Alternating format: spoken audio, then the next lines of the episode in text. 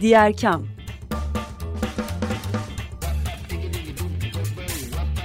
Sosyal fayda dünyasından fikirler, tartışmalar, haberler.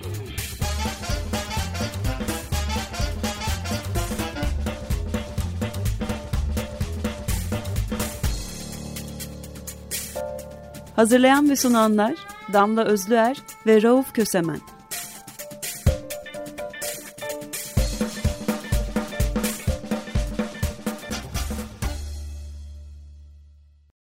Herkese merhaba 95.0 Açık Radyo'da Diğer Kam'da Damla Özler ve Rauf Kösemen'le berabersiniz. Deprem ve sonrası ile ilgili yaptığımız yayınlara devam ediyoruz.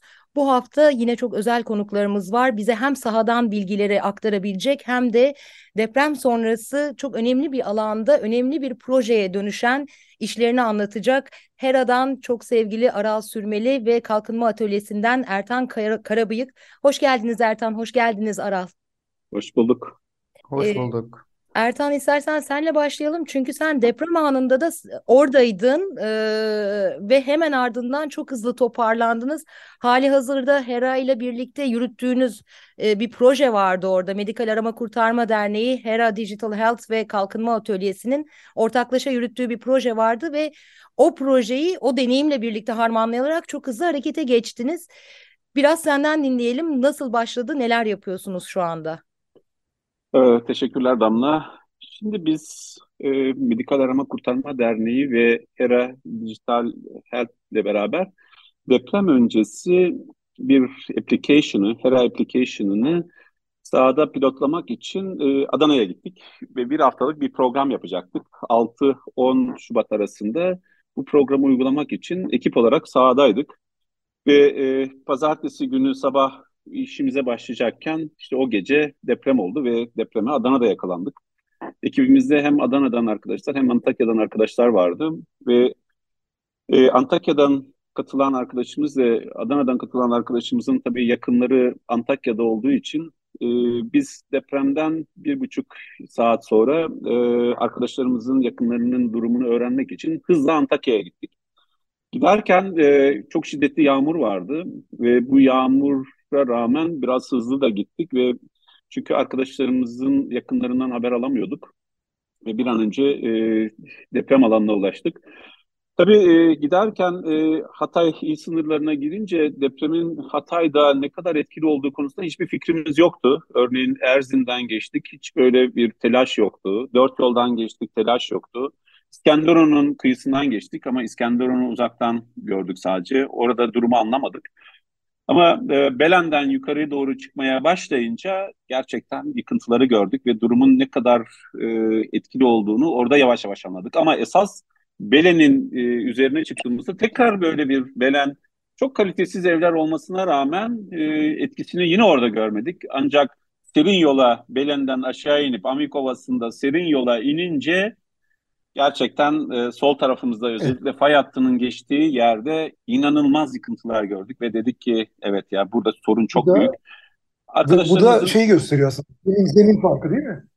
E, tabii tabii yani dağda aslında depremin etkisini e, olmadığını gördük. E, dağın eteklerinde ve sonradan da anladık ki İskenderun tabii e, yumuşak bir zemin üzerine oturmuştu ki fay hattı olmamasına rağmen ee, onun yanıkındaki dağ eteğindeki ilçelerde bir şey yokken e, İskenderun'da inanılmaz yıkımlar olduğunu sonradan anladık. Ovaya indiğimizde aslında e, depremin etkisini orada gördük. Arkadaşlarımızın, e, işte ekip arkadaşımızın birini maalesef kocasını kaybettik. E, diğer e, yakın yine ekip arkadaşlarımızdan yakınlarını kaybedenler oldu. Neyse onlarla uğraştık ve herkesin böyle güvenliğini sağladıktan sonra şehirde durumu anlamaya e, çalıştık. Tabii e, böyle sabahın erken saatlerinde olduğu için e, o kadar çok yıkıntı var ki e, herkes işte yakın yerlerden gelip e, yakınlarına ulaşmaya çalışıyordu. E, ve Hatay'ın, e, Antakya'nın ne kadar büyük bir felaketle karşılaştığımızı orada gördük. Oradan işte görseller, videolar, fotoğraflar çekip dış dünyayla, e, Türkiye ile ve uluslararası dünyayla paylaşmaya çalıştık. Maalesef işte e, WhatsApp'a yüklediğimiz fotoğraflar e, iletişimin zorluğundan dolayı bir iki saat sonra gönderilebiliyordu. e, iletişim kurulan noktalardan ancak gönderilebiliyordu. Telefon sorunu vardı, internet sorunu vardı. Tabii e, o kadar çok büyük bir yıkım vardı ki işte yaralananlar, kendi başında kurtarma çalışmasında bulunanlar, e, bir de şiddetli bir yağmur e, içinde korunmaya çalışanları e, tanık olduk. E, elimizden geldiğince e, insanlara destek olmaya çalıştık. Hatta ikinci gün işte e, ekmek ve su sorunu çok büyüktü örneğin. Ee, Adana'dan biraz işte ekmek, su ve bazı gıda yardımlarını e, getirdik. E, ihtiyacı olan insanlarla paylaştık. Gerçekten bir taraftan soğuk, bir taraftan yağmur, bir taraftan da tabii e, yani kimseyi orada göremedik. Yani gerçekten e, arama kurtarma çalışması yapacak olan e, kuşkusuz tabii çok büyük olduğunun farkındayız. Yani her binaya bir arama kurtarma çalışması yapılması mümkün gözükmüyor ama küçük dahi olsa, küçük ölçekte de dahi olsa biz ancak ikinci gün öğleden sonra e, arama kurtarma çalışmasının e, Antakya'da başladığını şahit olduk. Herkes kendi başının çaresine bakıyordu, kendi yakınlarını kurtarmaya çalışıyordu. E, ikinci günün e, akşamına doğru işte yavaş yavaş çadırlar kurulmaya başlandı, arama kurtarma çalışmaları başladı ve e, Antakya'da bir süreç ilerledi. Biz üçüncü gün e, acaba çevrede nasıl bir etki yaratır diye işte e, Nur Dağı'na gittik, Islahiye'ye gittik, bazı köylere gittik. E, şunu gördük, e, deprem e, fay hattının bulunduğu yerde inanılmaz yıkımlar vardı. Hatta bazı köylerde e, hemen hemen yıkılmayan bina yoktu ve fay hattının çev yakın çevresinde e, o yıkımı yerinde tanık olduk ve e, birden e, ne yapabiliriz diye e, düşünmeye başladık. Bu arada e, uzun süredir işbirliği yaptığımız Medikal Arama Kurtarma Derneği MEDAK ve onun da bir beraber çalıştığı ve Amerika'da kurulu bulunan HERA Sağlık, Dijital Sağlık Vakfı'yla da acilen e, bir sağlık ve kalkınma programı e, dizayn etmeye başladık. Damla. Ertan e, hem çok geçmiş olsun hem başınız sağ olsun ve bu toparlama için çok teşekkürler hemen başladık dediniz. Bu başlangıç sırasında da bir afet sağlık haritası çıkardınız ortaya. Afet Sağlık Haritası.org adresinden e, girilebiliyor.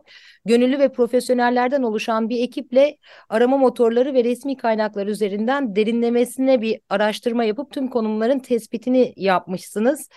Ve yeni açılan sahra hastaneleri, seyyar revirlerin teyitli güncel konumları var burada. Buradan Aral'a döneyim. Aral biraz afet sağlık haritasını ve buradan başlayarak nereye doğru gitmek istediğinizi anlatman mümkün mü? Tabii ki önce bizim hani belki çok kısa bir şekilde deprem öncesi neyle e, ilgili çalıştığımızdan bahsedebilirim. Ee, biz aslında yerinden edilmiş toplulukların e, vardıkları yerde ya da yaşadıkları yerde yerel sağlık hizmetlerine ulaşmasını sağlayan bir dijital platform geliştirdik.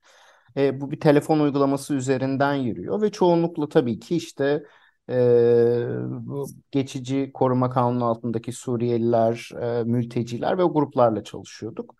E, ama yarattığımız platform tamamen açık kaynak kodlu ve e, yerelleştirilebilir bir e, sistem olduğu için aslında ve modüler bir sistem olduğu için biz bu kadar hızlı hareket edebildik. Ee, daha önceden var olan özelliklerimizden biri hani yerinden edilmiş topluluklar yeni gittikleri şehirlerde sağlık hizmetlerinin nerede olduğunu bilmediği için bir e, harita yaratmaktı. Afetle birlikte bunu hızlı bir şekilde afet bölgesine çevirdik ve orada hani güncel bir şekilde çünkü sağlık hizmetleri e, e, seyyar olarak da sunulduğu için şu anda yani Sahra hastaneleriyle güncel tutabileceğimiz ve de diğer örgütlerin bilgilerini hızlı bir şekilde ekleyebilecekleri bir sistem yarattık. E, bu tabii ki Hera'nın bir parçası. E, telefon uygulamasına indirmeye gerek kalmasın, gerek duyulmasın diye yani ne kadar az internet veya data kullanırsak o kadar anlamlı olur diye bunu bir web sitesi haline getirdik. Aynı zamanda bir yapay zeka kullanarak e, hızlı bir şekilde çeviri yapabiliyoruz. Yine bu site ve app üzerinden. Bu da tabii ki diğer e, dilleri konuşan vatandaşlar için e, ve hani mülteciler için çok önemli. Çünkü bir sağlık hizmeti almaya gittiğinizde derdinizi anlatabilmeniz en e, önemli kısmı işin. E, önümüzdeki günlerde de özellikle cinsel ve üreme sağlığı, anne, anne ve çocuk sağlığı üzerine çalışmalar yürütmeyi planlıyoruz. Bizim aslında yapmaya çalıştığımız şey e, bir yandan sahadan veri toplamak, bir yandan da diğer sağlık aktörlerinin hizmetlerinin doğru kişilere ulaştığını, ulaşabilmesini sağlamak. Yani onların efektifliğini arttırmak. Bu şekilde bir köprü görevimiz var e, bir dijital sağlık müdahalesi olarak ve bu konuda çalışıyoruz. Şimdi işte giden ekibimiz de diğer örgütlerle işte UNHCR'la görüşmeye başladı. UNOCHA'yla yani bütün koordinasyonu yapan e, Birleşmiş Milletler Örgütü'yle e, e, görüşüyoruz. E, bu şekilde. Rauf, e, özellikle ihtiyaç haritasıyla birlikte sahada yaptığınız çalışmalarla senin de oradan ciddi bir bilgi akışın var. Tam olarak sahada bu türden bir müdahale nasıl bir etki yaratabilir, nereye doğru gidebilir üzerine hep birlikte biraz konuşsak mı?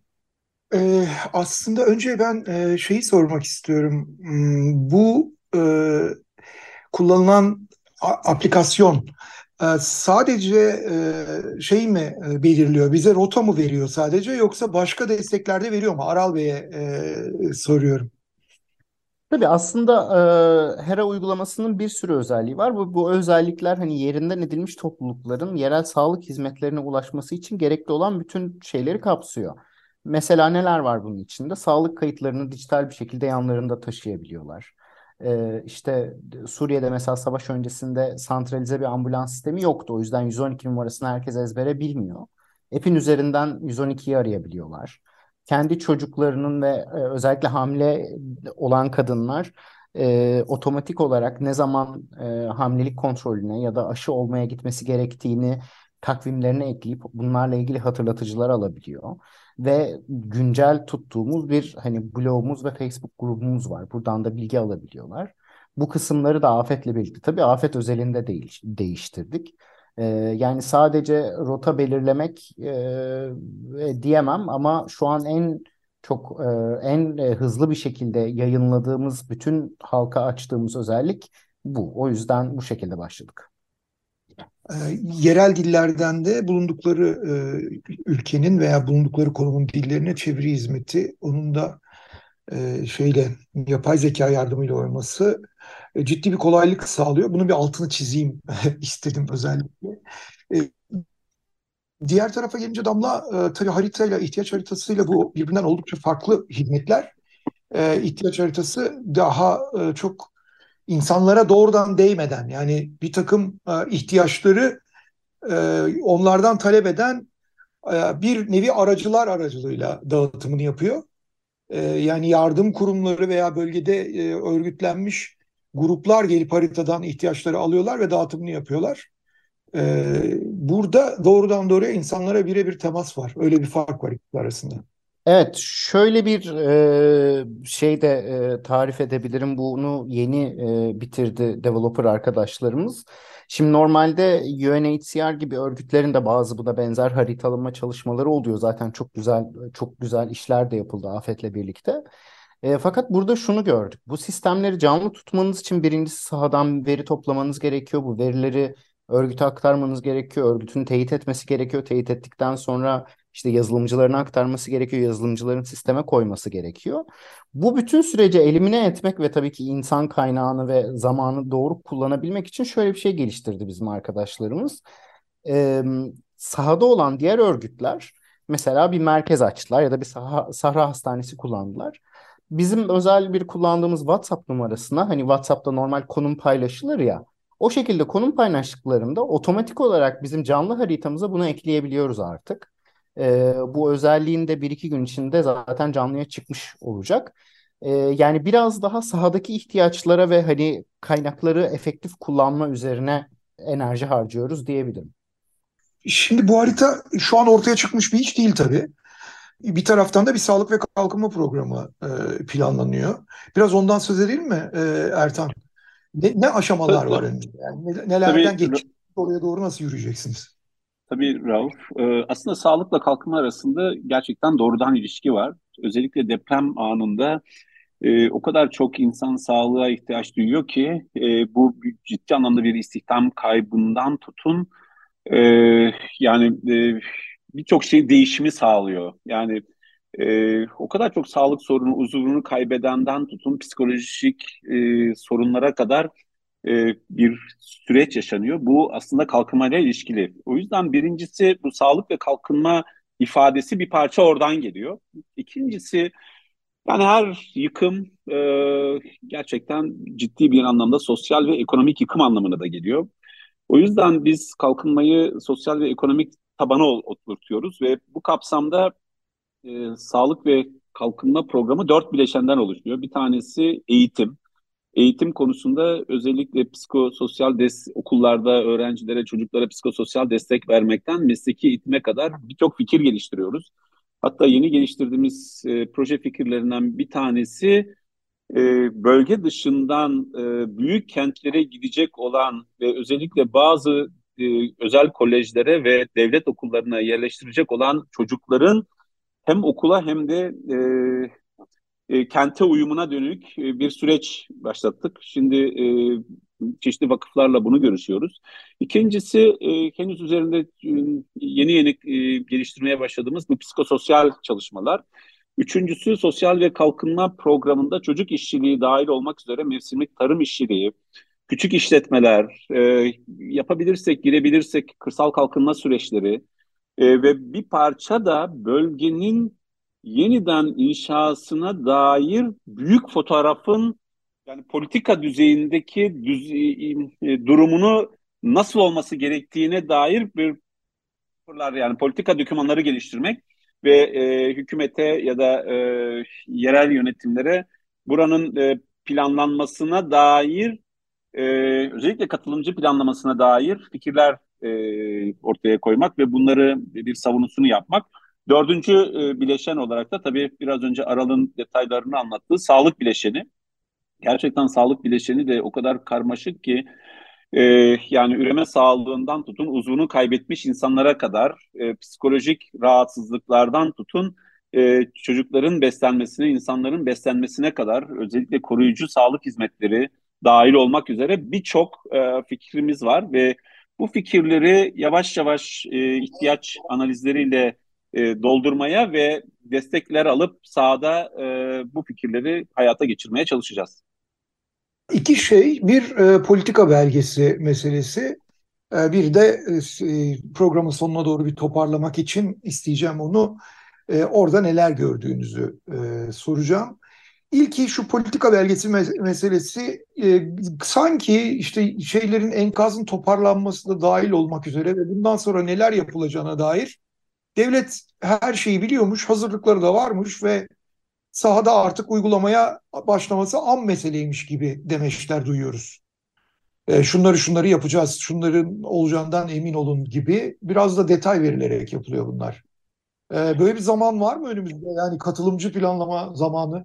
Çok hızlı şimdi yapacaklarmış aslında, gibi geliyor çünkü. E, şimdi aslında Rauf sadece bu deprem değil. Yani geçmişteki bütün depremlere baktığımızda benzer şeyi görüyoruz. Yani şimdi biz bu deprem vesilesiyle geçmişte bazı e, depremlerdeki uygulamaları e, inceleme olanağı bulduk. Örneğin 1970 yılında Büyük Gediz depreminden tutun, e, 1976'lı yıllarda o Lice depremi, daha sonra Van Gürpınar depremi. Yani hangi depremi alırsanız alın aslında paradigma çok değişmemiş. Yani e, işte afet hemen kurtarma çalışması, e, ondan sonra e, molozları kaldırma çalışması ve ondan sonra kalıp hazırlanmış ve merkezi planlar uygulanıyor. Bu aslında e, gerçekten e, tutmayan bir model, tutmayan bir paradigma aslında. O yüzden özellikle büyük ölçekli depremler tamam çok büyük acılar veriyor, çok büyük kayıplar veriyor ama bunu bir imkan olarak da görmek, bir yeniden şekillenme ve yeni bir çıkış olarak da görmek mümkün. Şu andaki deprem de dahil olarak gördüğümüz şey hemen konut yapımı e, öne alınıp e, orada e, bildiğimiz işte TOKİ ve benzeri bir yaklaşım e, hakim oluyor ve bunu nitekim görüyoruz. İşte 100 bin konut yapacağız, 30 bin konut yapacağız, bir yıl sonra konutlarınızı teslim edeceğiz. Tamam eyvallah güzel bir şey de ama yani e, bir parça sivil toplumu, yerel yönetimleri, meslek örgütlerini, e, akademik dünyayı bu sürece katarak aslında katılımcı planlama yapmak mümkün. kuşkusuz zaman baskısı olduğunu biliyoruz. Yani milyonlarca insanın çadırda, konteynerda ya da bölge dışına göç hikayesinde e, bir e, acilen başını sokacağı güvenli bir konuta ihtiyacı olduğunun farkındayız ama bu konutlar hiçbir zaman sadece TOKİ ve benzeri yaklaşımda olmayabilir, çeşitlenebilir, sosyal sınıflara göre farklılaşabilir. Ama burada temel olan şey gerçekten deprem bilimini, e, deprem mühendislerini, jeologları, inşaat mühendislerini, onların meslek örgütlerini biraz dinlemek e, ve bazı araştırmalar yaparak yani fayın hattının üzerine bile nasıl sağlam bina yapılacağının çerçevesini çizmek ve özellikle de merkezi e, yönergeler, yönetmelikler yerine il düzeyinde, lokal düzeyde bölgesel yönetmelikler çıkarmak ve bu planlamayı buna göre yapmak önemli. Bu bir. İkincisi gerçekten çok büyük bir yıkım var ve bu yıkım bölgesi Orta Doğu'ya çok e, sınır yani Urfa'dan tutun yani Urfa, Diyarbakır, Adıyaman, Kahramanmaraş e, bütün bölge aslında e, Orta Doğu'nun merkezi konumunda. Kısmen sanayileşmiş yani e, Gaziantep gibi, e, Kahramanmaraş gibi, Adana gibi, e, kısmen e, Adıyaman ve e, Malatya gibi. Ama aynı zamanda burası ciddi anlamda bir tarım bölgesi. yüzden e, yeni yapılanma sürecinde yeni anlayışlar, yeni paradigmalar, yeni yaklaşımları e, tartışmak ve önermek istiyoruz. Yani daha henüz böyle çok kapsamlı tartıştığımızı söyleyemem ama bu bir imkandır ve bu imkanla e, gerçekten Türkiye'nin bir ağırlık merkezi haline getirilebilir mi? Yani tartışılacak konular, sorulardan bir tanesi bu. Gerçekten büyük bir metropol planlaması yapılabilir mi? Ve bu büyük metropol planlamasında birçok büyük kentin yükünü alabilir mi? Buralar için özel kanunlar çıkarıp özel bölgesel kalkınma organizasyonları kurulabilir mi? E, yerel yönetimlere biraz daha inisiyatif verip bu kalkınma süreçlerine onların dahil olması sağlanabilir mi? Ve bu bölgenin kalkınması sürecinde acaba Orta Doğu'yu, e, Afrika'yı öngören bir ticari ilişki gündeme gelebilir mi? Yani bunların biraz daha tartışılması ve bu toz duman arasında bu, bu yani kolay olmadığını biliyoruz. Yani katılımcı planlama yöntemlerini bilmiyor, bil, e, yeterince olamayacağını biliyoruz ama bunu yapmak gerçekten e, hem Türkiye'nin kalkınması için hem hızlı toparlanmak için hem de bu bölgenin bir çekim merkezi haline getirilmesi için anlamlıdır diye düşünüyoruz. Kuşkusuz burada insan haklarına, çevre boyutlarına dikkat etmek, doğanın yapısına dikkat etmek ve böylece işte su kaynaklarından biyolojik çeşitliliğe kadar bütün süreçlere dikkat etmek ve böylece yeni bir anlayışı, yeni bir yaklaşımı burada hayata geçirebilir miyiz? Biz biraz bunları tartışmak ve bunları konuşmak istiyoruz.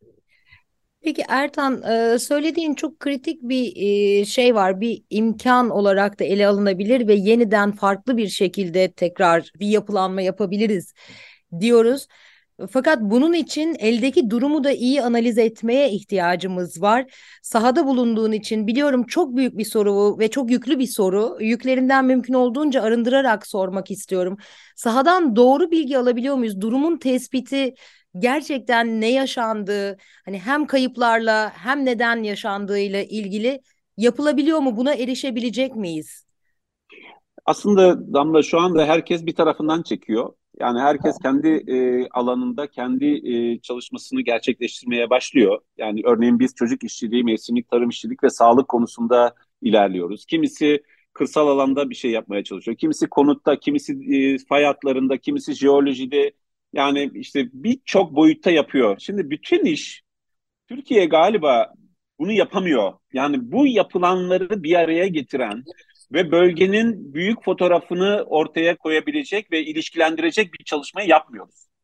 Yani tekil yapıyoruz ve entegre ve bütüncül yapmıyoruz. Galiba burada da biraz e, Türkiye'nin bu anlamdaki bir kapasite sorunu olduğunu söyleyebilirim. Bunu yapmak lazım ve ilişkiler kurmak lazım. Yani istihdamla, e, sosyal yapıyla, öğrencilerin durumuyla, sağlıkla bunlar arasında ilişki kurarak aslında yeni bir dünya, yeni bir bölge, yeni bir alan yaratabiliriz diye düşünüyorum. Evet, e, programın sonuna geldik. Kesmek e, durumunda kaldım. E, Aral Sürmeli bizimle birlikteydi Hera'dan ve Ertan Karabıyık bizimle birlikteydi Kalkınma Atölyesi'nden. e, Kalkınma Atölyesi'nin ve HERA'nın e, projeleri üzerine konuştuk. E, diğer kamdaydınız Açık Radyo'da 95'te. Ben Rauf Kösemen ve ortağım Damla Özler'le birlikte ve konuklarımızla birlikteydiniz. Çok teşekkürler Ertan, çok teşekkürler Aral Bey. Teşekkür ederiz. Hoşçakalın.